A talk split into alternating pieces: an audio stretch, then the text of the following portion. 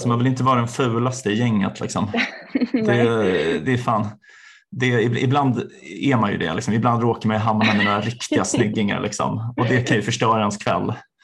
Ja. Så man, man, man, vill ju, man, man, vill ju se, man vill ju åtminstone vara liksom i, i mitten av distributionen snygghetsmässigt. Ja. Då får man väl lägga sig under kniven i värsta fall. Här kommer jag och fuckar upp allting du trodde vi byggt upp. Här kommer jag och fuckar upp allting du trodde vi byggt upp. Här kommer jag och fuckar upp allting du trodde vi byggt upp. Här kommer jag och fuckar upp. Här kommer jag och fuckar upp. Okej, hej och välkomna till podcasten Om och Men där vi reder ut det ni tycker är krångligt och krånglar till det ni trodde var utrett med mig, Vincent Flink Amblenäs. Och med mig, Beatrice Erkers. Ja, vad har hänt sen sist, Bea? Um, jag har uh, varit på Burning Man sen sist faktiskt.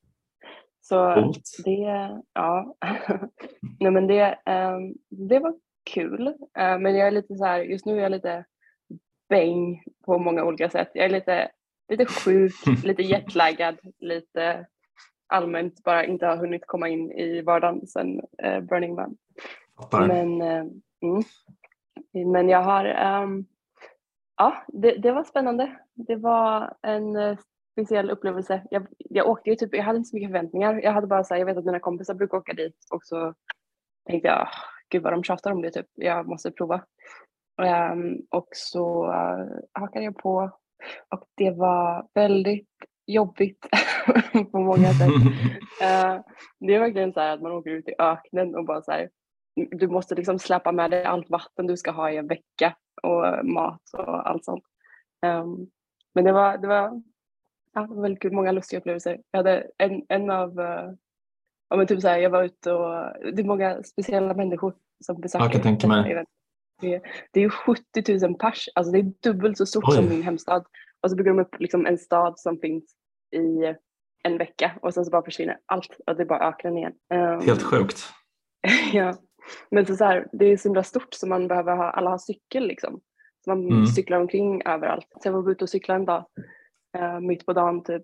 Det var så 40 grader varmt och så um, cyklade upp någon gubbe bredvid mig och bara hej hej hur är läget? Mm. Uh, bara, ah, det är bra. Och så uh, frågade han om jag ville hänga med till hans camp och käka glass. Jag bara, oh my god, ja, glass. Mm. så, uh, ja, och så, här, så det, man har ju olika camps då, liksom, ja, som på festival. Typ. Ja. Um, så jag tänkte, ja men då vill jag sitta där och hänga med lite folk och käka glass. Typ. Men så när vi kom till hans camp så bara han ta in mig i sin husbil och så är det bara jag och han oh, som nej. sitter där och ska... det här bådar inte gott. Ja. så då satt vi och jag bara okej. Okay. Jag, jag var lite så här att jag var så här, också när man är på ett event där alla verkar vara helt lyriska typ och man själv inte så riktigt har kommit in i det så jag tänkte så här, men jag måste mm. testa mig, jag måste liksom luta mig in i det här nu. Ja, rimligt. Okej, okay, go with the flow. Så jag bara okej, okay, jag sitter här, käkar glass. Ja. Eh, och så käkar jag käkar en glass. Och så frågade han typ, vill du ha en till glass? Jag bara, ja, en till Och så frågade jag typ så här, men ja, vad är det här för camp då? Han bara, ah, this is the orgy bus camp. Åh oh, nej. Ah, Okej. Okay. uh, och så här, ja vad mysigt. Och så nästa, nästa grej han frågar mig är, do you want a butt rub? I have lotion. Och så pekar han på... Åh oh, nej, oh, nej. Det, det verkar inte ha gått så bra för honom om man hade en orgbuss men det var bara han där och du som liksom hade blivit ditlurad. jag vet. Men eh, nej, det var bara tre pers i det campet tydligen. Uh, mm. uh, nej, jag, jag sa nej och uh, gick därifrån. På ett Du vaktade din dygd. Ja. jag vaktade min dygd, ja. Den är, ja. Jag ja. Nej, men så det, det var en upplevelse bland andra. Eh, ja, vad, vad coolt. Har, ja, men jag har, jag har ja. sett bilderna från Burning Man. Jag har varit lite avundsjuk. Alltså jag har berättat för mina kompisar att du var där. Uh, och de har liksom pratat om, jag har några så lite mer techiga kompisar som känner till där och de har pratat mycket om att det coola med Burning Man är att det är självförsörjande. Att det så här, mm -hmm. ska liksom, ja, men, fortgå av sig själv. Typ. Alltså typ försörja sig själv med liksom, livsmedel och sådär. Men jag fattar typ inte riktigt vad du menar för att alltså, alla har ju med sig allt. Alltså det är inte som att det, maten produceras där, det är ju bara att folk har med sig matsäck liksom. Nej, alltså det är jättemycket sving. Alltså det, typ, alltså just det här med att typ alla måste ha cyklar. Mm. Um, det är ju, man, det är ju där, säkert 20 000 cyklar som lämnas bakom. Alltså så här.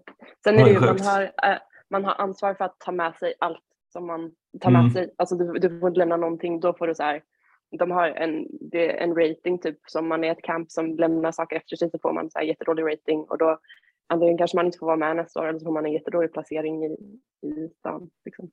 Ja, rimligt. Ja. ja, men coolt. Vilken jävla upplevelse. Jag känner att jag eh, det får svårt att toppa det här nu. Alltså det, jag vet ju att du har gjort spännande saker. Men vad, vad har du gjort sen senast? Yes, du har stakat mig. Ja, mm. nej, men, uh, jag har varit på ett bröllop. Um, i, det var liksom ett ganska flådigt bröllop. Uh, det höll på i uh, tre dagar.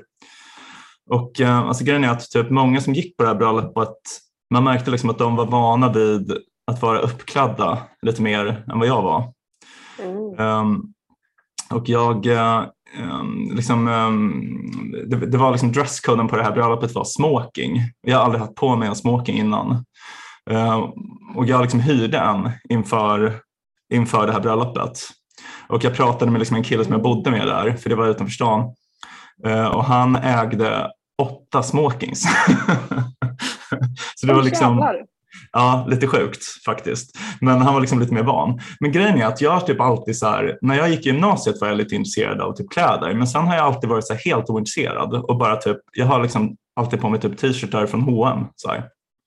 Men uh, mm. när, jag, när jag hade på mig den här smokingen så tyckte jag att det var så jävla nice. För att alltså, liksom, man mm. ser så sjukt mycket bättre ut när man är uppklädd. Och jag har typ inte varit det på så här många, många år.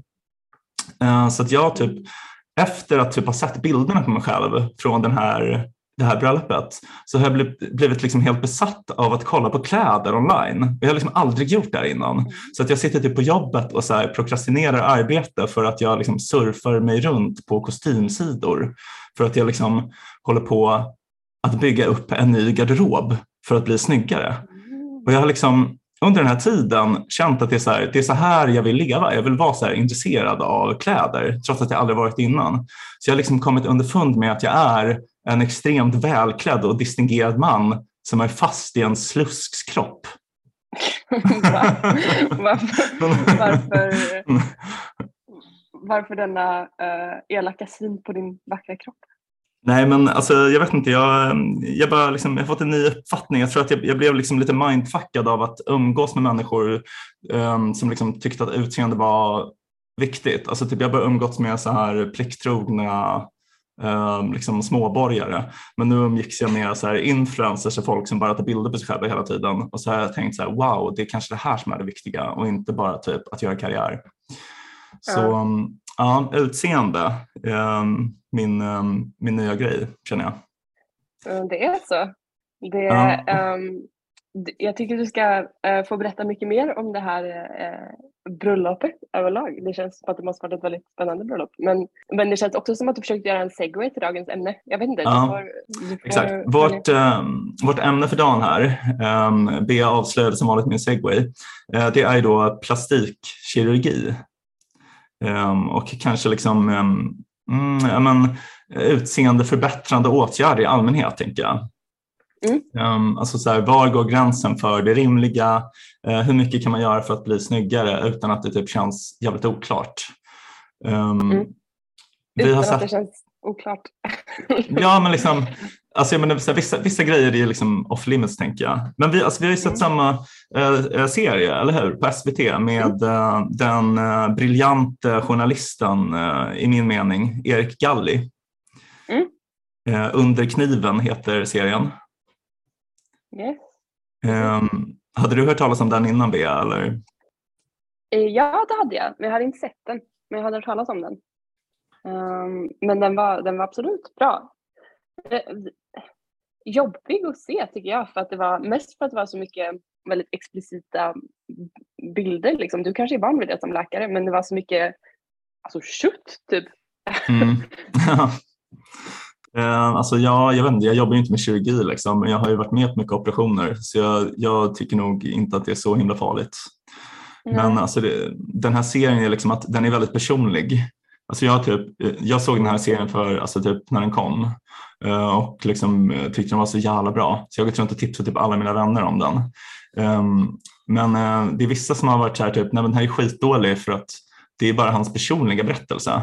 Alltså det, är typ, det är mest att när Erik Gallien, det är en journalist som är typ, han är typ i vår ålder, 30-årsåldern och han har liksom genomgått en lång rad plastikoperationer och han liksom berättar om sin egen resa typ och liksom berättar lite i allmänhet om plastikkirurgi i, eh, i relation till det. Men det är framförallt hans egen historia. Och det är liksom många av mina mm. kompisar som har stört sig på det, att det känns så egocentriskt och inte riktig mm. journalistik. Men jag tycker typ att det är det som är bra.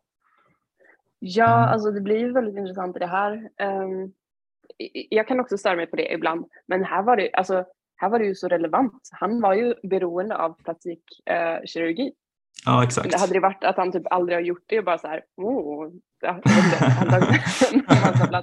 men här var det ju superrelevant. Liksom. Ja, Uh, nej men verkligen, alltså det, det, det, kan ju bli väldigt fel, typ som när uh, Leif Mannerström skulle göra ett program om uh, alltså typ såhär metoo inom krogbranschen. han, bara, han var typ så här, han bara, jag har aldrig varit utsatt för några övergrepp. Man, man,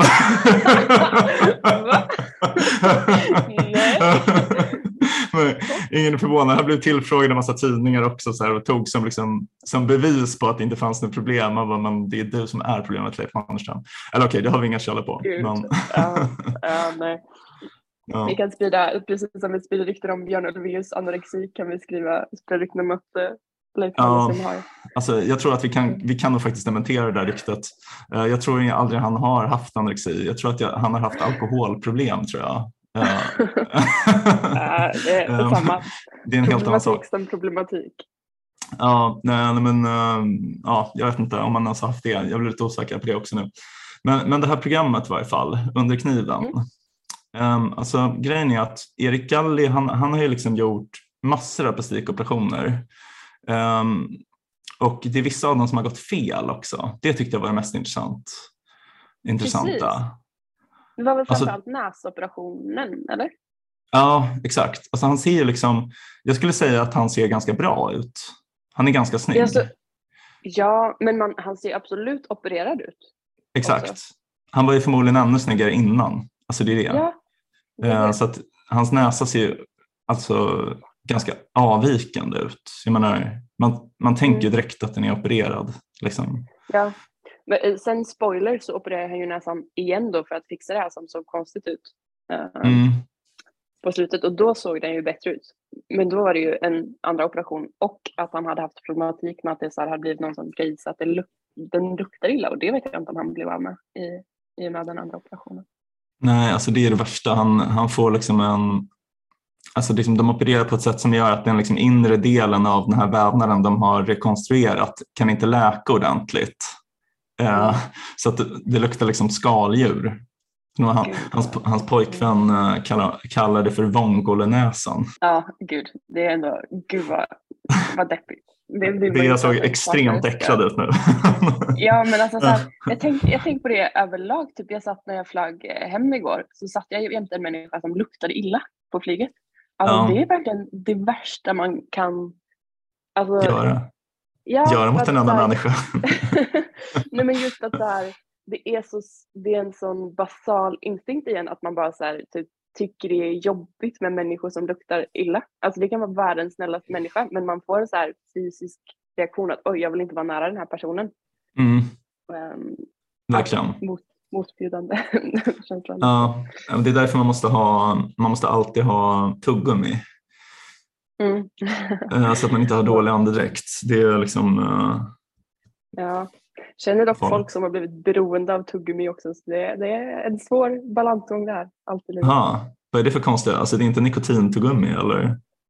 Nej. Det vanligt tuggummi? Folk, ja, att de har sån uh, oral fixation att de behöver tugga tuggummi typ hela tiden.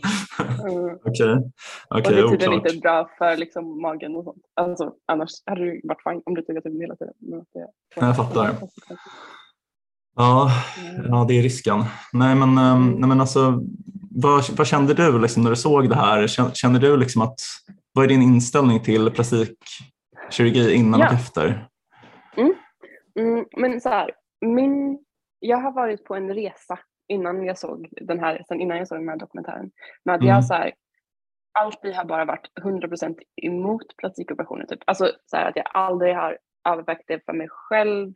Eh, att jag eh, kommer från en kontext där liksom alla bara tänker att men gud vad är det för folk som plastikopererar sig? Typ, vilka patetiska människor. Eh, eller att det är så väldigt ytliga människor. Ja, på olika. Att man har sett ner lite på det. Um, Mm. Sen har jag ju så här, eh, de senaste, ja men kanske det senaste året eller så, sen jag började jobba på Foresight, haft en, en resa mot att bli mer transhumanistisk överlag. Ja. Mm. Um, och då tycker jag att plastikoperationer är väldigt intressant i förhållande till det. Och uh, ja men så här att okej, okay, var drar man gränsen över vad som är eh, fåfänga som inte gynnar någon eh, eller, eller att det är liksom faktiskt, jag vet inte, att det, ja, men att det kan vara värt värt det typ att, um, att eventuellt operera sig. Jag vet ju också folk som är liksom transhumanister som uh, men okej, okay. så de vanligaste typerna av plastikoperationer är ju att man så här försöker passa in i någon sorts mer allmän skönhetsmall som finns i samhället. Så de pratar väl i dokumentären om till exempel att ja, men de vanligaste grejerna är ja, det allra vanligaste är att göra olika injektioner i ansiktet för att liksom Ja. med rynkor och sådär. Vilket jag tror, är, om jag skulle göra någonting så är det det som skulle vara också det jag, eh, nu, bara för att jag känner att jag åldras. Ja, okej. Och, ja. Vi har ju pratat lite om att det överlag inte, jag tycker inte det är så kul att åldras heller. Ehm, Nej, det och, suger. eh, det suger fan. Eller så här, nu om jag kan stanna här 28, det vore tipptopp. Men, men Ja, jag tror okej. inte att det kommer hända. Nej, men hellre 25 också. Alltså, jag tycker Ja. redan att det har börjat gå ut för för en. Kroppsligt. Ja. Kroppsligt. Men, men eh, i hjärnan vill jag gärna bli äldre. Ehm, Ja, jag förstår vad du menar. Jo, men så, annars är det ju så här, men för, för, kvinnor i alla fall, jag kommer inte ihåg hur det var för män, eller det var typ hairplug som var vanligast för män kanske. Mm, Men- kan. Men för kvinnor var det så här bröst, fettsugning och fixa ögonlocken, vilket jag tycker är lite konstigt. Alltså, men att folk tycker de ser trötta ut. Typ. Mm. Men så, och så det är ju väldigt så här tydligt att ja, men det är bara för att man vill se ut lite mer som folk på tv ser ut. Och Mm. det har vi också, så tror jag nämnt att det är så jävla orealistiskt hur folk på tv ser ut. För att det är ju att de sitter och redigerar det också, typ lägger på. Ja. De är jättefixade. Ja, och de har ju säkert operationer on top of it. Eller så här. eh, Ja, och det är också typ att de, de jobbar med att vara snygga. Så de är så här lediga typ och Ja. kan träna varje dag. Liksom. Alltså, Ja, det, det går inte att tävla med dem. Liksom. Om man har ett vanligt jobb och typ har barn och så här. Det funkar ju inte. nej precis. Och det är det som känns som att det blir med det här när det blir vanligare och vanligare plastikoperationer. För det säger de ju i den här dokumentären. Och att det går ner i åldrarna också, att det är yngre och yngre människor. Mm. Ehm, att det blir en så här en tävling i, Mm. och en spiral i att så här, ja, men ju mer folk i ens omgivning gör det, alltså man, jag kommer ju om så här, alla i min omgivning har gjort tre plastikoperationer och jag inte har gjort det, då är ju oddsen att de är ganska mycket snyggare än vad jag är. Eh, och, och att det blir så en upptrappningseffekt av det. Mm. Och För att man känner, då, då kanske man känner att man, ja, men man sjunker, man får ett lägre socialt värde kanske om man är mycket fulare än, än folk omkring det blir kapprustning liksom. Ja men precis, kapprustning. Ja. Men alltså många blir mycket fulare dock av eh, plastikoperationer. Men för det är det som är lite lurigt med just det här för, ja, men som jag sa, att jag så här, om jag skulle göra någonting skulle jag säkert göra någon sorts injektion bara för att jag inte vill ha Mm. rynkor. Inte att jag tycker att jag har rynkor som jag behöver ta bort nu, men bara att man ju, alltså jag, ja, men jag har ju kompisar, eller bekanta ska jag säga, som har liksom injicerat sig sedan de var 20 typ för att de eh, för att frysa liksom delar av eh, ansiktet så att man inte utvecklar rynkor. Men jag tycker att de så här, alltså det, de första ser ju bra ut. Men ju Mm. längre det går, alltså jag tycker att folk ser svullna ut i ansiktet och bara får något så här onaturligt över sig som är oattraktivt på något plan. Man ser väldigt ledsen ut. Alltså det är liksom ett, eh, ett, alltså ett av de främsta symptomen på depression är utsläpad ansiktsmimik. Alltså att man inte rör ansiktet så mycket när man pratar utan det är helt så liksom hängigt. Och det, det, det man injicerar är ju botox som är liksom ett förlamande nervgift som gör att man inte kan röra sin ansiktsmuskulatur så mycket. Så att man Mm. ser liksom deppig och liksom ledsen ut. Mm. Det är ju det är inte så roligt. Nej, nej, det förstår man ju. Ehm, att det inte är så kul. ja, Alltså, nej, men så, jag- så, Nej men alltså jag, jag tänkte typ så att om jag skulle göra det så Mm. eh, alltså typ jag skulle kunna tänka mig typ så små, alltså typ så bleka tänder och sånt, men det är inte riktigt plastikkirurgi. Liksom. Eh, men Mm. annars är typ det enda jag skulle kunna tänka mig just nu, det är typ om jag skulle bli skallig. Alltså det är typ Mm. så här, det är min värsta rädsla att bli skallig, att bli så riktigt Mm. uh, flintskallig man. Liksom. Ehm, eh, för att min, min farfar var, alltså, min, alltså grejen är att min, mannen jag kallar farfar är inte min biologiska farfar. Men min, Mhm. min biologiska farfar var, han var skallig och han blev det så här Mm. ganska tidigt. Liksom. Och det är vissa som säger så här, typ, att det hoppar över en generation. Så jag liksom så här, varje morgon när jag vaknar så liksom känner jag igenom så här, om det har börjat Men- falla av. Liksom. Jag har hört, och jag vet inte om det här är sant, men jag har hört Mm. att skallighet ärvs på moderns sida. Det Aha, borde ju vara fan. ja okej. Ja, men Vi det, kan det faktakolla det här. Men, eh, Ja, jag önskar att det var en läkare med oss här. Men, eh, nej. nej, men alltså, jag har ingen aning. Mm. Men jag, det, det finns ju inga begynnande tecken på det. Nej, Så jag försöker eh, kika på ditt uh, hårfäste här. Men det, det ser bra ut. Ja, ja. Nej, men, men då har jag tänkt att jag, då skulle jag kunna tänka mig att göra någon sån här hårtransplantation. Men alltså grejen är att jag, jag visste inte så mycket om hårtransplantation. Jag läste på om det för typ ett år sedan. Men Mm. alltså det är, jag trodde att alltså, man, man åker till en sån här klinik i, i Turkiet. Det är inte som att Mm. de har hår där. De har liksom inte hår på kliniken som de ger en, utan det är bara ditt eget jävla hår som de sätter. Så de, tar liksom, de tar från nacken och sätter fram det där du har tappat. Så att det är bara, du har lika mycket hår ändå. Så att om du har tappat allt ditt hår, då är du fucked. Liksom. Det finns inget du kan göra. Så ingen kan hjälpa Mm. dig om du inte har något hår. De kan bara omfördela det du har. Så att jag känner mig liksom Mm. lurad. Vad sa du? Tupé. Ja. Fast det är jävligt deppigt. Tänk att tappa tupén.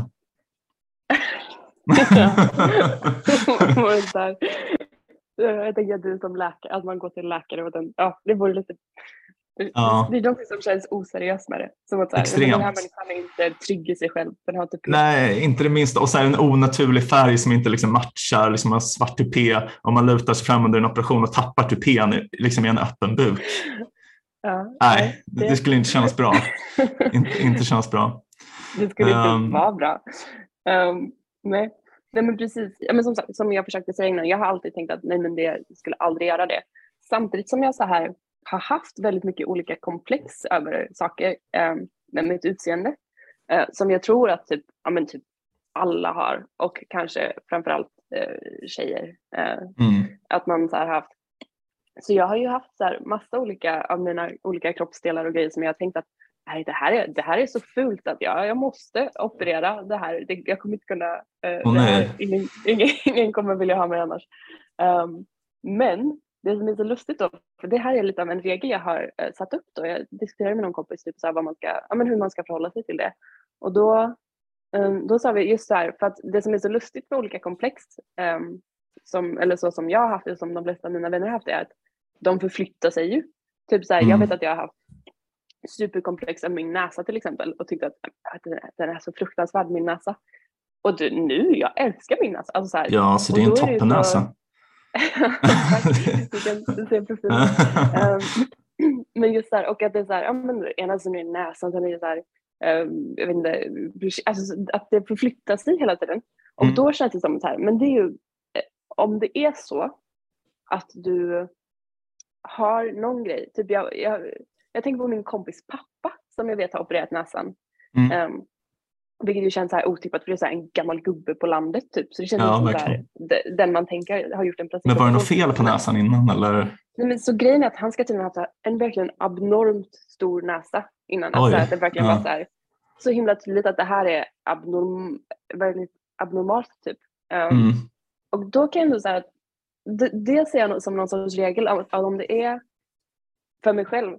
eh, Men nu har jag ingen sån grej. Men om man skulle ha en grej som är verkligen så här, nej men det här är, folk ser mig, det här är det första de ser med mig och det är det enda de tänker på när de Jag ser interagerar ut med som mig. en parodi liksom. Ja men precis, då känns Ja. det så här, ja men fan operera näsan då. Liksom. Eh, du behöver inte bära, just e- eftersom det är så mycket skam i Sverige i alla fall kring plastikoperationer. eh, och att det ses som att man är liksom en, i, i- stora kretsar av Sverige ska jag säga. Ehm, ja, men man ses som en liksom lite fåfäng och ytlig person. Ehm, Mm. Och att det ses som väldigt negativt. Men då är det ju ingen så här, då- den stoltheten är ju är ju värd mindre då än att, eh, än att du kanske bara opererar näsan. Ja, nej men rimligt. Verkligen. Alltså jag tror det är intressant det där varför folk är så oerhört negativt inställda till det eftersom de som opererar sig det drabbar ju liksom mest dem själva. Alltså mm. så här, okej okay, om man är typ negativ till att kändisar opererar sig och inte berättar för att man typ så sätter orimligt höga förväntningar på hur man ska se ut, det är en sak. Men folk är ju arga på att bara privatpersoner opererar sig typ, och typ mm. tycker det är omoraliskt. Alltså, mm. Jag tror att det beror lite på att det är så här skönhet, um, alltså utan operationer så, där, så kräver det ju väldigt mycket arbete. Alltså typ att man tränar mycket så att man blir smal eller liksom får muskler. Uh, typ att man köper dyra kläder, att man blir väldigt duktig på att sminka sig, alltså såna här, typ sådana saker. Mm. Det kräver väldigt mycket arbete. Men kirurgi, det kräver inte så mycket arbete så att folk ser det som en genväg, att man så försöker kita sig till den här ja, statusen.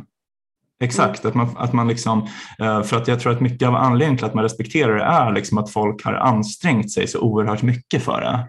Alltså typ om mm. man, ja, man ser någon som har typ en perfekt kropp, att man säger gud den här personen har lagt ner så mycket tid och arbete och liksom det man egentligen respekterar är den här tiden och liksom eh, beslutsamheten. Eller mm. åtminstone delvis så. Mm. Um, ja, men det, det, det var bra. Jag har inte um, uttryckt det så innan, men jag håller med. Det, det är nog en jättebra sammanfattning. Uh, eller en, en jättestor anledning till det, um, tänker jag. Men alltså det, det, man ska komma ihåg är ju också typ att plastikkirurgin, um, alltså när den utvecklades, uh, det har ju alltid funnits liksom, uh, plastikkirurgi. Alltså lång, långt innan liksom, Jesu födelse gjorde man plastikkirurgiska ingrepp. Typ Egyptierna gjorde liksom, näsoperationer till exempel. Mm -hmm. Men gud. Uh, men de, de, de, gick ju liksom alltid fel. men, mm.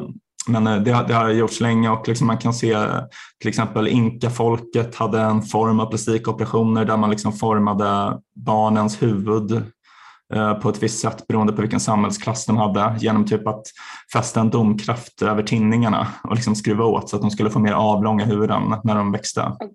Gud, gjorde inkafolket här? Ja, eh, alltså prästerskapet hade liksom deformerade huvuden eh, på grund av det här. Oj. Ska jag berätta en annan sjuk sak om ynkafolket ah. som jag hörde häromdagen? Jag, lyssnade om, jag lyssnade på, det här är en avstickare då, men jag lyssnade på en mm. podd eh, om så här, olika civilisationers eh, fall. Och då ja, var det, det. Ett, eh, mm. jättebra podd. Um, jag, jag kommer inte ihåg vad den heter just nu men vi kan länka den i mm. avsnittsbeskrivningen. Och då var det ett, ett så här, två, två timmars avsnitt om ynkafolkets eh, fall. Um, och då berättade de att så här, ynkafolket var så, de döpte inte sina barn förrän de var tre år. För det var så mm. ovanligt att barn överlevde till tre års ålder. Ah, wow, eh, okay. Så bebisar kallade man typ bara för, jag tror det var typ så här, Wehe, eller någonting. Alltså att det var något så bebisgråt typ. Eh, ah, jag känner igen det. det var, ja, så det kallades de tills de var tre år. Och då fick de ett namn. För då var det så här, ah, okej, okay, du klarar det. Ah, shit, fan vad sjukt. Tänk vilket uh, hårt jäkla liv ja, jävligt deppigt. Ja. Ja. ja. Men på tal om det då, så, så här, eller hade du något mer du ville säga om uh, Uh, nej, jag skulle bara berätta typ lite om historien av plastikkirurgi. Alltså för typ det har funnits ja. länge men det utvecklades på 20 och 30-talet. Och um, när det utvecklades var framförallt på grund av första världskriget. Att man liksom det var extremt vanligt med alltså de soldaterna som stred i skyttegravarna under första världskriget att de skadade sitt ansikte eh, för att de fick liksom granatsplitter i ansiktet. Och um, det var liksom det som drev på utvecklingen av plastikkirurgin. Um, så att, alltså från början så är det liksom inte alltså så skönhetsoperationer utan mer liksom att försöka återställa ett så normalt ansikte som möjligt. Alltså det, det var liksom, om man ser på bilder från kriget så är liksom de här ansiktena var så deformerade så att man hade liksom inte känt igen att det ens var ett ansikte. Det var liksom helt uppfläkt. Så, mm. Ehm, så och det är fortfarande idag väldigt mycket alltså, den typen av plastikkirurgi som bedrivs. Kan man säga. Ja men precis, den är, den är väl särskilt vanlig i förhållande till typ så här mammor eller folk som har um fått barn och så, att man gör så här återställningsoperationer som typ är att lyfta brösten och eh, fixa magen som eh, ja, har fått just det. just det. Det är lite mindre dramatiskt än krigskirurgi liksom, men det är något sorts krig. Ja, jo, exakt. Nej, men det, är just det, det är ju med också i den här dokumentären, eller hur? En kvinna ja, som... precis. Och det är ju liksom det ses som återställningskirurgi. Och där är det också en konflikt kring de som ser det som att nej men, ja, men att det ska vara, att det är väldigt skamligt och att det är liksom så här, för att det är plastikkirurgi eh, och att det är så här, du, som, om du har blivit mamma så är det det finaste du kan bli och att du inte mm. behöver, um, du ska bära dina ärr med stolthet typ. Och sen så de som ser det som att det är ändå lite förmildrande omständighet och att det inte alls är som vanlig plastikkirurgi för att det är just återställning. Mm. Jo, mm. uh, nej men alltså jag tycker på ett sätt att det är lite sundare, typ, att man vill se ut som man gjorde innan än att man vill typ se ut alltså så här, som något helt omänskligt ideal. Alltså typ det här alien-ansiktet liksom med jätteliten haka och enorma ögon. Typ. Mm. Um, mm. Men, um, men, men på, eller hade du mer om historien? Uh, nej, nej, egentligen inte. mm, uh, men för, för på tal om liksom alien-utseendet så har jag en bekant som plastikopererar sig, som är liksom transhumanist. Okay. Uh, för det, det här jag tycker är lite intressant, för vi pratar ju om att så här, det vanligaste är att man försöker se ut som alla andra fast lite snyggare typ. Mm. men um, det här är spännande för den här personen har liksom ett annat utseendeideal mm. än, än vad um, som är liksom standarden. Så den här mm. personen försöker se ut som en superhjälte mer. Um, Man har typ en cape eller? uh, nej, det har jag nog aldrig sett uh, henne i. Men, uh, men att det är så här, typ jag vet att jag träffade dem någon gång när de hade opererat uh, armarna så att musklerna mm. skulle bli mer definierade till exempel. Oj, okej. Okay. Ja. Vad oklart. Men vadå, har de typ opererat in typ silikon för att det ska se ut som muskler eller? Jag vet inte, men kanske det, ja. Okej, okay. um, fan vad skumt. Då hade de ju så här kompressionsgrejer och så, så jag såg inte vad resultatet var riktigt. Men, um, ja, nej, men så, och mm. det tycker jag, det har ju, på tal om det här att jag blivit mer transhumanistisk, så känner jag någon sorts så här annan respekt för dem. Mm. Den sortens operationer. För det känns som att så här, ja, men du har tänkt och valt det här själv. Det är inte att du så här har blivit eh, bara påverkad av media. Ja, mm, precis. Mm, nej, jag fattar. Men hallå, jag tror alltså folk vet nog inte vad transhumanism är. Alltså man tänker nog att det är typ en transa som också är medmänsklig eller något sånt där. Så. ja, uh, ja det, men det är precis vad det är. uh, nej men det är väl, uh, vad ska man säga, att det är så här, någon sorts kulturell rörelse som liksom försöker förespråka att man använder teknik och sånt för att kunna förbättra och utöka vad, vår mentala och fysiska eh, kapacitet eller egenskaper. Uh, så vissa, så här, vissa grejer, och där är en fråga, så här, vad drar man gränsen för vad som är transhumanistiskt? Är det transhumanistiskt att vi har glasögon? Eller typ jag har mm. linser i just nu. Är det transhumanistiskt? Och så kan man dra den gränsen längre och längre. Alltså så här, man kan, det finns ju de som har så lite chip implanterade i, i, i, um, i kroppen. Eller ja, uppenbarligen folk som plastikopererar sig för att se ut på ett visst sätt. Eller att man så här, tar mm. neuro um, tillskott som gör att man tänker eh, smartare eller snabbare. Ja, att det är olika sätt man kan. Ja, alltså det är så vanligt med biohacking, att man liksom eh, försöker liksom, eh, förändra sin kropp med hjälp av eh, tekniska ingrepp. Alltså det man kan säga är typ att ordet transhumanism syftar ju på att det är, man vill liksom att människor ska övergå till ett annat tillstånd, alltså trans som i transition. Att det är liksom att mm. en övergångsfas mellan människa och liksom det som kommer därefter. Alltså det är väldigt många transhumanister som pratar om typ evigt liv till exempel. Um, ja, så liksom en mm. del av den här liksom amerikanska techrörelsen skulle jag säga, även om det finns i hela världen. Ja, precis. Så i förhållande till det vi har pratat om innan, till exempel typ cryonics och sådana grejer och olika longevity-grejer är ju eh, typiskt transhumanistiska saker, de som alla Exakt, cryonics, alltså att frysa in sig efter döden för att återuppväckas förhoppningsvis då. Precis, precis. Ja men precis. Uh, så det, ja, men det, det var en sån avstegare till, till att det finns olika sorters plastikkirurgi.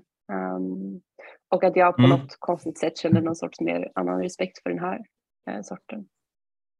Ja, det är rimligt. Alltså det finns ju viss, en, en annan så intressant fråga tycker jag med plastikkirurgi. Det är vem som ska betala.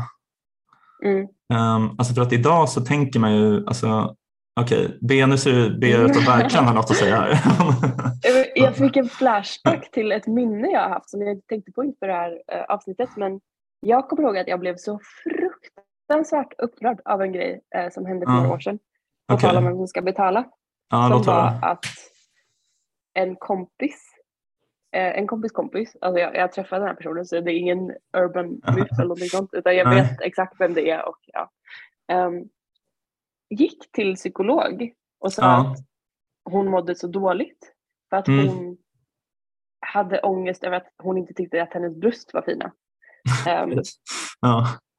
och lyckades få det till att bli så allvarligt att, att det, hon fick Han fick bröstoperationer betalat, eller vadå? Av staten Oj, Alltså, ja, för att det så påverkar hennes psykiska hälsa. Så jag, så fan vad. CP.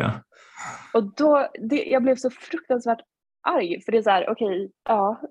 det, men, men, men det är bara så här, men då, då, då men hade hon liksom lite- eh, någon typ hormonell, alltså hade hon så helt, hade hon liksom inga bröst typ som en man eller?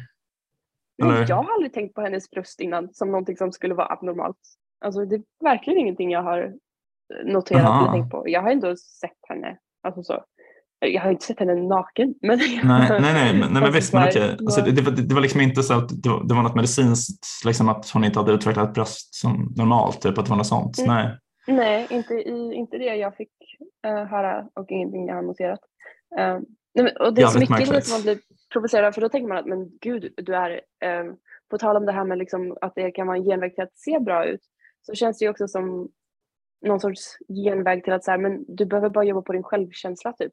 Och att det är Verkligen. som att de försöker köpa sig självkänsla och där kan jag tycka att det är och, och, och det, man kan ju ifrågasätta mig nu och säga att men det är så här, det kanske är superbra, det kanske är mer effektivt, hon kanske blir en mer eh, produktiv människa i Mm. samhället för att hon mår bra. Men det man tänker är ju det här med slippery slope argument då kanske att så här att ehm, ja men om du ska börjar operera, gränsen? Ja men precis liksom Mm. vad, om du börjar operera brösten så tänker du nej men jag tycker att min näsa är lite ful också och da da da da. Ja, Ehm, exakt. Det är jättesvårt, men alltså, för, för grejen är att liksom, huvudregeln när det kommer till skönhetsingrepp är ju att man bekostar dem själv. Eh, sen Mm. typ, så här, eh, typ kvinnor som har bröstcancer men opererar bort brösten, de får ju implantat gratis och liksom brännskadeoffer får ju liksom eh, kirurgi gratis såklart. Så. Eh, men vanliga skönhetsingrepp bekostar man själv. Men en sak jag har tänkt på med det är ju att eh, staten bekostar dem ju ändå på ett sätt. För att om något går fel vid en bröstoperation, så, eh, vilket det ibland gör, liksom, då, då måste ju den offentliga sjukvården kliva in och liksom bekosta behandlingen av det. Eh, Och det är till och med så att typ, när man gör en bröstoperation så måste man vara hemma från jobbet i två veckor för det mesta, så här, minst. Det är en ganska stor operation liksom. Ehm, och eh, man mår rätt dåligt ett tag efteråt. Ja, och då kan man sjukskriva sig. Mm. Så att, eh, man, alltså, det är liksom, då får man sjuklön trots att det är så här, man har valt det här helt själv, man är inte sjuk. Så det är, Mm. i praktiken så blir det ju liksom som att man, alltså, regionen subventionerar liksom de här ingreppen. Eller, ja. Det är väldigt Ja, det är- konstigt det- tycker jag att det är så. det, är- det, är- det är verkligen någonting som känns lite sjukt med det. Ehm, Ja. Och det är ju så här i, i dokumentären så tog de ju upp hur beräknade, det finns ingen officiell statistik på hur många som plastikopererar sig i Sverige men om det skulle vara samma ehm, ehm, fördelning som det är i, i Tyskland, vilket ju känns som att vi är ganska lika liksom Mm. tyskarna i livsstil och sådär, så skulle det vara Absolut. 120 000 operationer per år eh, som Ja. svenskar. Ehm, Men då räknar de också in så väldigt enkla botoxinjektioner. Um, ja, alltså det jag kan säga inom sjukvården, alltså alla sköterskor har botox och fillers. Jaså? Alltså Varför typ då? alla. Eh, ja, nej, men alltså de gör det på varandra. Om man är legitimerad sköterska eller läkare så får man injicera. Så det blir så oerhört billigt, alltså typ med fillers och så här. Att liksom, Mm. man får lite större läppar typ.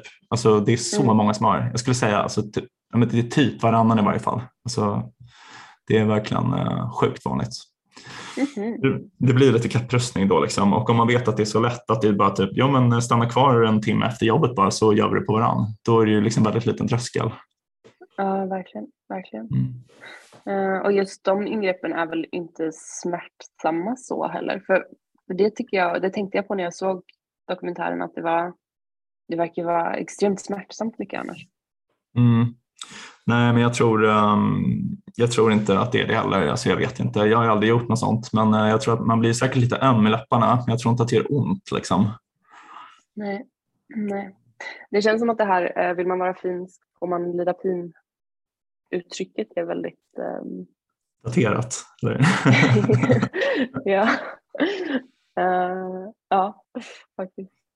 Ja. Men, men jag, på tal, eller så här, tal om när det går fel, så um, en, en historia som jag måste vara väldigt ångestladdad för uh, Kanye West. Ja, är, just det. Gud, det där är så himla ja, hemskt. Um, ja, han bekostade väl sin mammas fettsugning och hon dog. Hon dog. Uh, jävligt sjukt. Det är ju, ja. Det är jävligt sjukt. Alltså sådana där operationer, alltså fettsugning och liksom gastric bypass och liksom den typen av eh, så viktminskningskirurgi kan ju vara väldigt, väldigt farlig. Alltså, mm. Men eh, de flesta som genomgår i Sverige gör det ju liksom för att det är farligt att de är så feta. Liksom. Mm. Eh, så det kan ju vara livräddande också, får man ju räkna in.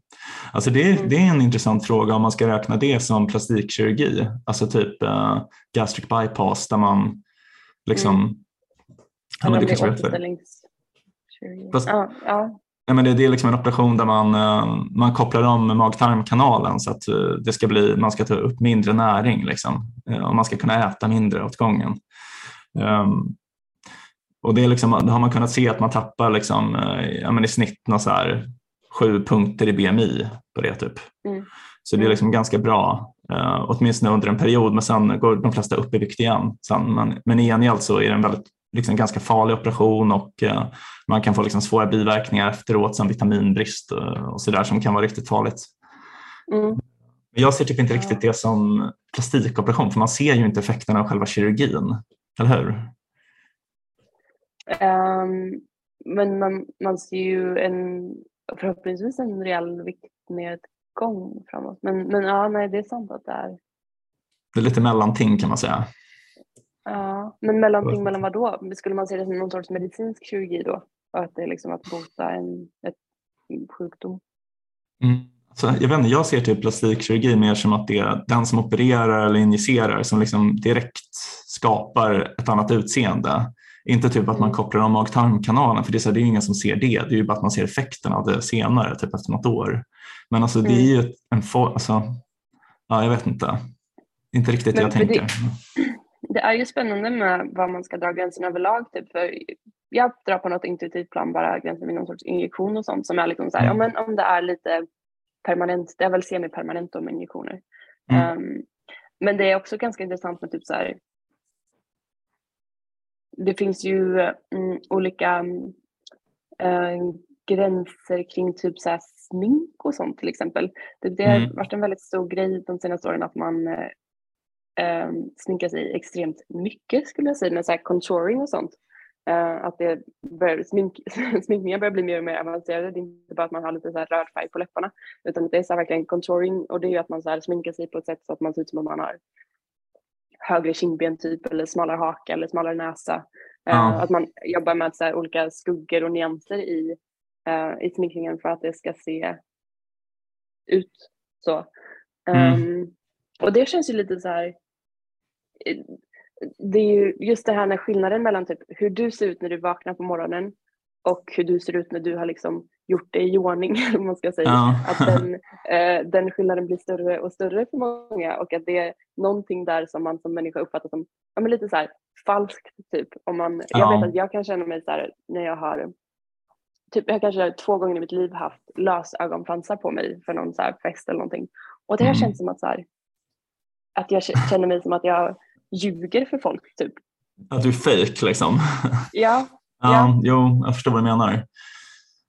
Ja, men det är sjukt hur stor skillnad det kan vara på tjejer. Alltså liksom om man ser dem osminkade någon gång. Att de kan se, alltså vissa liksom ser ut som helt andra människor. Det är, det är lite creepy faktiskt, tycker jag. men det är väl det. Så när du säger att det är creepy så måste det ju vara för att du känner att, så här, att du inte vet exakt vart du har personen eller vem det är lite. Att du, så här, du, men nu har du ljugit för mig när du har haft allt det här sminket. Det ser ju ut. Nej, nej men det, det är verkligen så. Men dock, alltså jag tror att det är den här, alltså, för det, det känns ju som att det typ, tjejer är ju mycket snyggare än killar. Alltså, nu är jag inte liksom attraherad av män, liksom. men, men alltså, jag tror ändå att många tjejer tycker det också. Att det är typ så här, det finns många fler, eller alltså, jag menar många straighta tjejer då eller whatever. Liksom. Alltså, ja, men standarden är högre. Typ. Ja, exakt. Alltså, typ, om man tänker typ någon ful person så tänker man ju på en kille. Liksom. Och om man tänker på en snygg person så tänker man ju på en tjej. Eller gör inte du det? Jo men kanske nu när du säger det. Alltså någon så här riktigt alltså, håller... ful, någon så här gamer liksom som sitter i sin, sin stora ja. läderdatorstol och liksom är jättetjock och något ja. äckligt skägg typ. Ja, men alltså någon men vad tror du det beror på då? Jag tror att det beror lite på det här. Alltså typ smink och så här, att tjejer har så mycket mer en, en större arsenal av liksom skönhetsåtgärder. Men tror du inte också att det, tror du att det på något sätt kan vara för sig, jag vet inte om det håller i och för sig. Eh, jag tänkte att det skulle vara något så här att det är viktigare för tjejer att se snygga ut överlag för att det är det som visar, ja, men när man kollar på typ vad, um, vad folk prioriterar i när de söker ny partner så är det ju, för killar är det viktigare att ha en snygg partner och för tjejer är det viktigare att ha en um, ja, men, uh, rikare eller längre partner. Alltså att det är så andra attribut som uh, värderas i just den här ja, men alltså det, det, det, det, finns, det är säkert en anledning, absolut. Alltså, men, men jag, bara liksom eh, konstaterar att, att, att det är så. Att uh, det är liksom, man, man, kan, man kan göra så mycket mer, för som kille så är det typ inte, alltså det är klart att man kan göra, liksom, typ, gå ner i vikt och börja träna och sådär, men det är så himla jobbigt. Alltså, typ, om man ska fixa sig för en fest så, det, så det finns inte så mycket man kan göra. Typ. Men tjejer nej, kan nej. göra mass, massor av grejer. Um, mm. Det ändå, måste ju vara nice som tjej. Typ. Ja, absolut. Mm. Det, alltså jag tycker att smink är typ en av de roligaste, det är en av mina hobbys skulle jag säga. Uh, mm. Smink och kläder, jag tycker det är jättekul. Um, men det är också mycket det... typ i alltså så här, dammode eller liksom kvinnligt mode, tjejmode och whatever. Eh, som det, det, bygger mycket på att man ska så här, sticka ut och liksom, ah, alltså, så här, visa liksom, en prestigefull klädsel. Och så här. Men, men herrmode är ju liksom att man ska passa in mer. Alltså typ, eh, liksom, om, man, om man jämför liksom, vackra klänningar som man har på en formell fest med liksom, en kostym så är ju, så tanken är ju att männen ska ha nästan identisk klädsel medan mm. kvinnorna ska liksom visa sin individualitet genom sitt utseende. Så det, det, alltså det har ju mycket med vår kultur att göra. Förmodligen som du säger att, att kvinnor ska satsa på skönhet liksom och dra ögonen till sig. Um, mm. så. Ja, ja, det är... Um, jag vet när jag försökte så läsa, för, um, på tal om det att jag pluggade modedesign så funderar jag mycket på vad som så här, för det är, inom mode är det ju så här, kan det vara helt ganska grejer grej som är ja, men killar kanske tycker är ganska oattraktiva som är väldigt trendiga inom tjejmodet mm. till exempel. Um, ja, men att man uh, går ut i något som ser ut som ett tält typ eller någonting. Um, ja. Men just det här med vad som är klassisk stil och vad som uh, liksom, uh, ja, men under i alla fall hela 1900-talet fram tills idag typ ses som att det inte kan gå fel riktigt är ofta sånt som förstärker de liksom, köns typiska könsattributen. Så typ så här för killar, typ kostym. Eh, mm. Någonting som gör att det ser ut som att man har bredare axlar och sånt. Mm. Eh, att man ser manligare ut eh, inom citationstecken. Eh, och med kvinnor typ något som framhäver eh, bysten eller visar mm. att man har smal midja eller liksom former överlag och, och sådär. Så, um, att det är just de här klassiska attributen som förstärks ofta i, i, i klassiska kläd, klädstilar. Medan det sen så just med andra mer trendiga trender så kan det vara liksom lite vad som helst, bara det är nyskapande. Mm. Ja, alltså det är lite en ekokammare det där med hot couture-världen känns det som. Att det är, liksom, det är, bara, det är bara de som bryr sig. Typ. Alltså, ja, så att de som jobbar med det, det är, ja, det är så himla eh, knappa kläder. Liksom. Mm. Ja, men det är som det vi pratar om med, med status och sånt. Att det, är så här, ja, det är en liten bubbla där man mm. har superkoll på vad som är trendigt inom den bubblan. Uh, helt enkelt. Ja, nej men, uh, verkligen. Mm. Men um, hur, om man så försöker backa bandet lite, typ, hur viktigt tror du att det är med utseende? Överlag? Um, alltså grejen att jag har tänkt på så att uh, utseende är ju väldigt viktigt när man är ung. Uh, eller hur? Så här, typ, mm. Det är många i liksom, kanske vår ålder och kanske en, framförallt lite yngre till och med skulle jag säga, som bryr sig väldigt mycket om sitt utseende. Um, och det kan man ju se som typ att det är för att ja, men sen när man blir äldre så är man ju ful oavsett. Typ.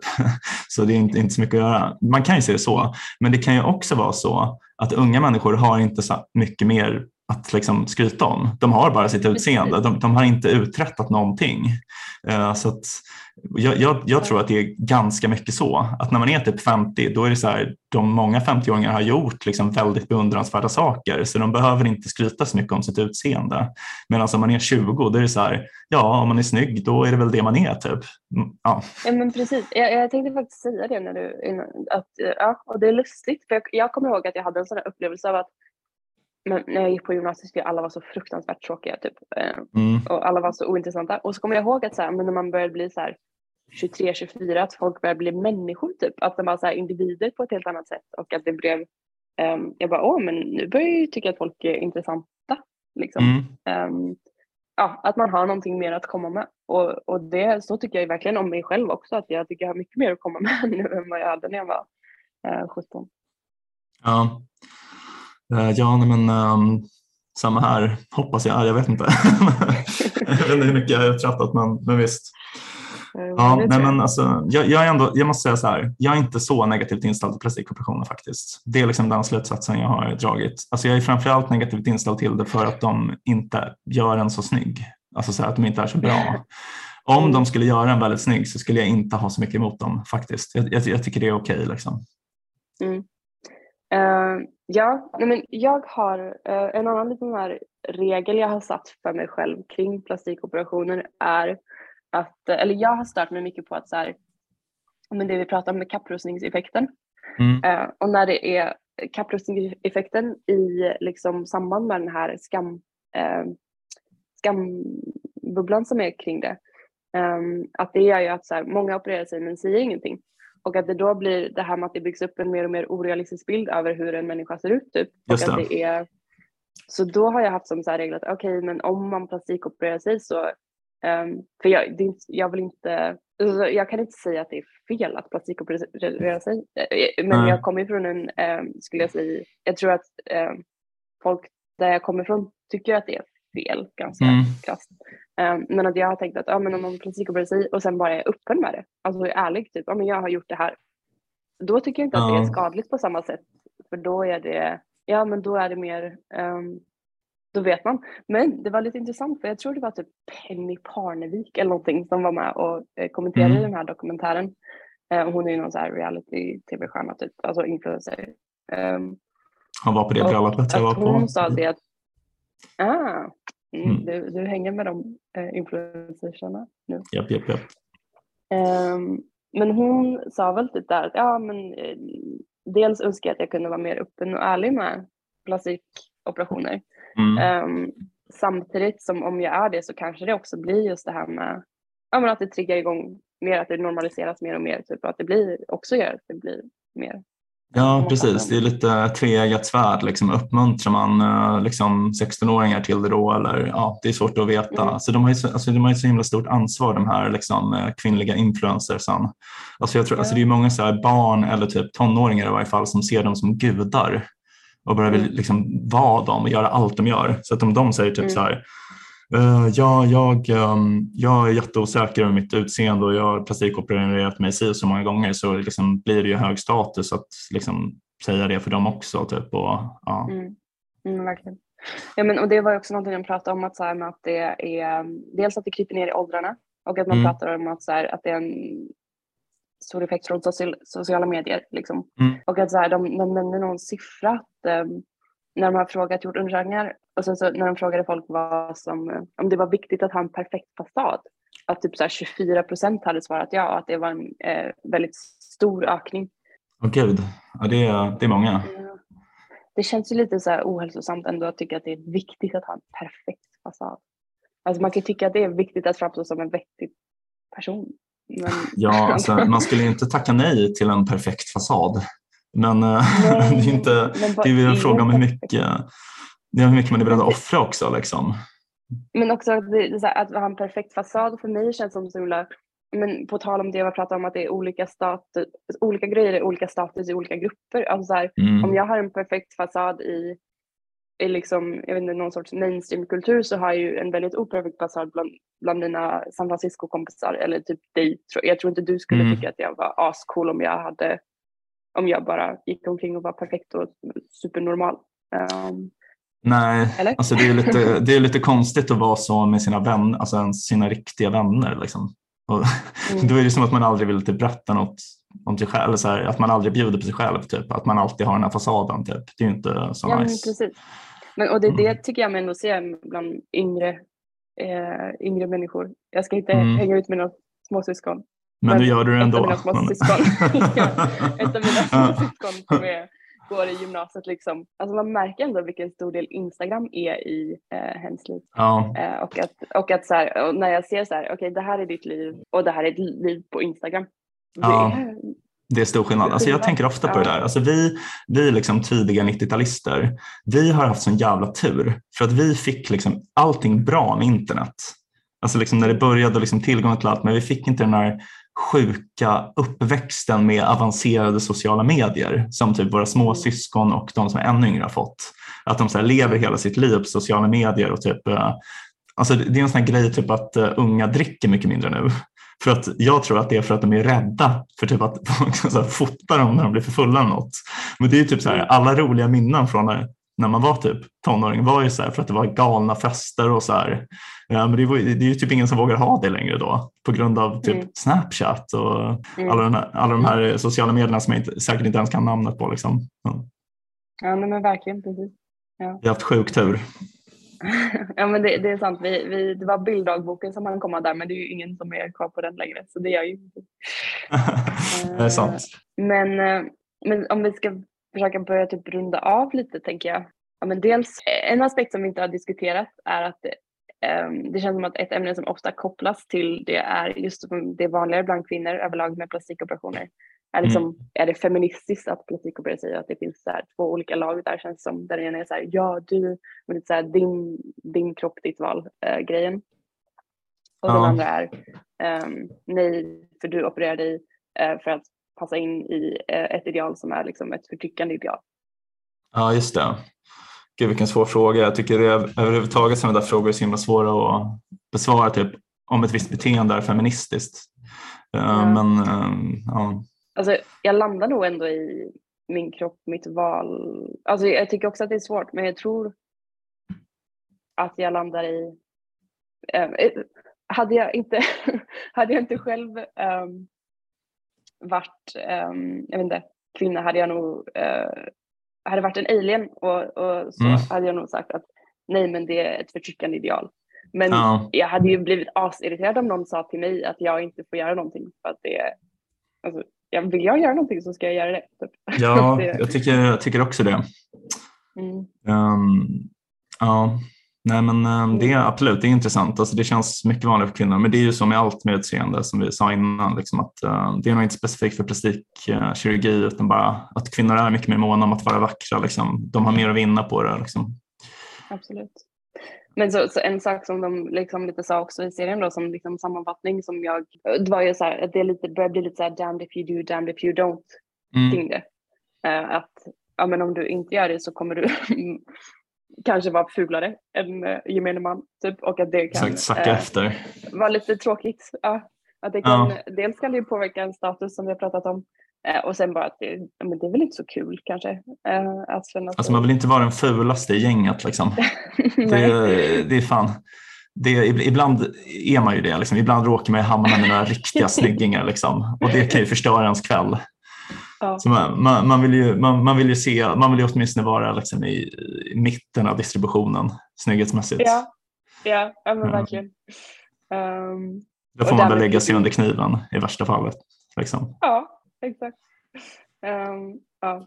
Men uh, ja, och då, och då är liksom den sista frågan till mig, eller som jag ställer mig, är typ så här, men leder det är det en genväg till bättre självkänsla som är liksom värd ja. och, då, och då tänker jag att det är ju säkert det i vissa fall. Ibland, Nej, lite ibland tror jag. Med, han mannen med den uh, groteska näsan, din kompis pappa. Ja. Han har säkert bättre självkänsla nu när han inte har den här liksom enorma pjäsen mitt i facet. Mm. Som stör. Ja, det tror jag också. Ja. Mm. Och sen, men sen så att det är, och samtidigt så i vissa, um, typ Brasilien är ju känt för att vara, där är det Rumpor? Alltså de har, eh, ja, men också att plastikoperationer överlag är så extremt normalt. Uh, där. Jag läste någon artikel om det, det är så här verkligen Ja men det är extremt, uh, jag kommer inte ihåg någon siffra, men att det är liksom en väldigt, väldigt stor andel av folk som um, opererar sig och att det, de pratar bland annat så här, i den här artikeln så pratar de om uh, känd plastikkirurg som hade fått någon så här, de har väl mycket sådana här, uh, vad heter det, parader eller sånt i, ja. um, i Brasilien och att de hade haft någon uh, till ära till en plastikkirurg som var så här typ folklig. De är hjältar där liksom. Ja, ja. han hette typ Ivo Pitangi hette han. Um, och okay. att han um, hade ja, men, uh, gjort plastikkirurgi folkligt just för att det var, han menar att alla har rätt till plastikkirurgi typ och att det är mm. um, i Brasilien ganska ja, men relativt billigt med plastikkirurgi och att det verkligen är någonting som som typ det, det, är liksom folk från favelor som också plastik opererar sig. Eh, och att det är um, de har inte ens råd som... med tak liksom, men de har råd med Nej. buttlift. Ja, men så, så något citat från honom var så här att oh, de fattiga har rätt att vara vackra också. var något eh, Pytangi-citat.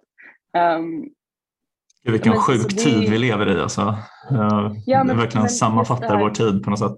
Mm. Där har ju ändå kapprustningseffekten ballat ur då, tänker jag lite. Mm, faktiskt. Ja, nej, men vi, vi hoppas vi inte blir som Brasilien. Det, det låter lite stört. Alltså, så här, de fattiga har väl större problem med fulhet. Alltså, om, yeah. de, om de bor i favelor, liksom, jag menar, då får man ju ha någon slags känsla för liksom, prioriteringar. Alltså, yeah. jag menar, mm. Men där är det ju också så här, att det ses som en biljett ut lite för vissa kvinnor. Att uh, om du ser ut på ett visst sätt kanske du kan skaffa en rikare man och ta dig ur fattigdomen.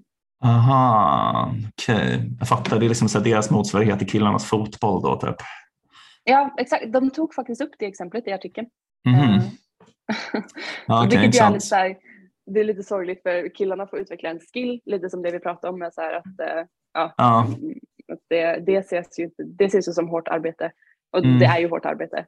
Uh, Medan tjejerna bara får fuska sig till att se lite snyggare ut.